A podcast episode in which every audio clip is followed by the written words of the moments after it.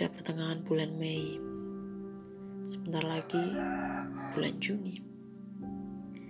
Kala itu kita masih berharap pandemi berakhir di bulan Mei atau di bulan Juni. Namun situasi saat ini seharusnya kita melanjutkan perjuangan belajar membiasakan diri dalam pola hidup yang baru.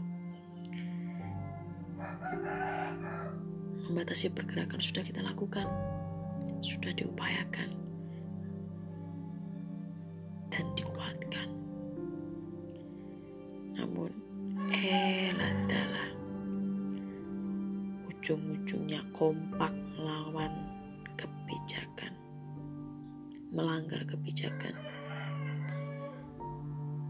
Penderitaan seperti berujung pengkhianatan Ketahanan yang mereka perjuangkan berujung kekecewaan. Terserah.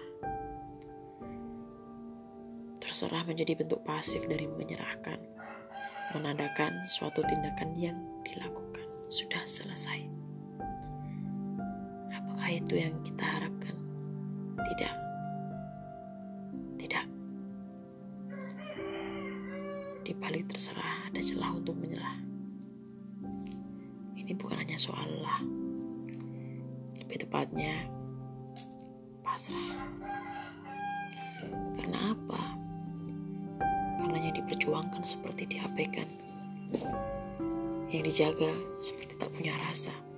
Tutup telinga. Seolah tidak terjadi apa-apa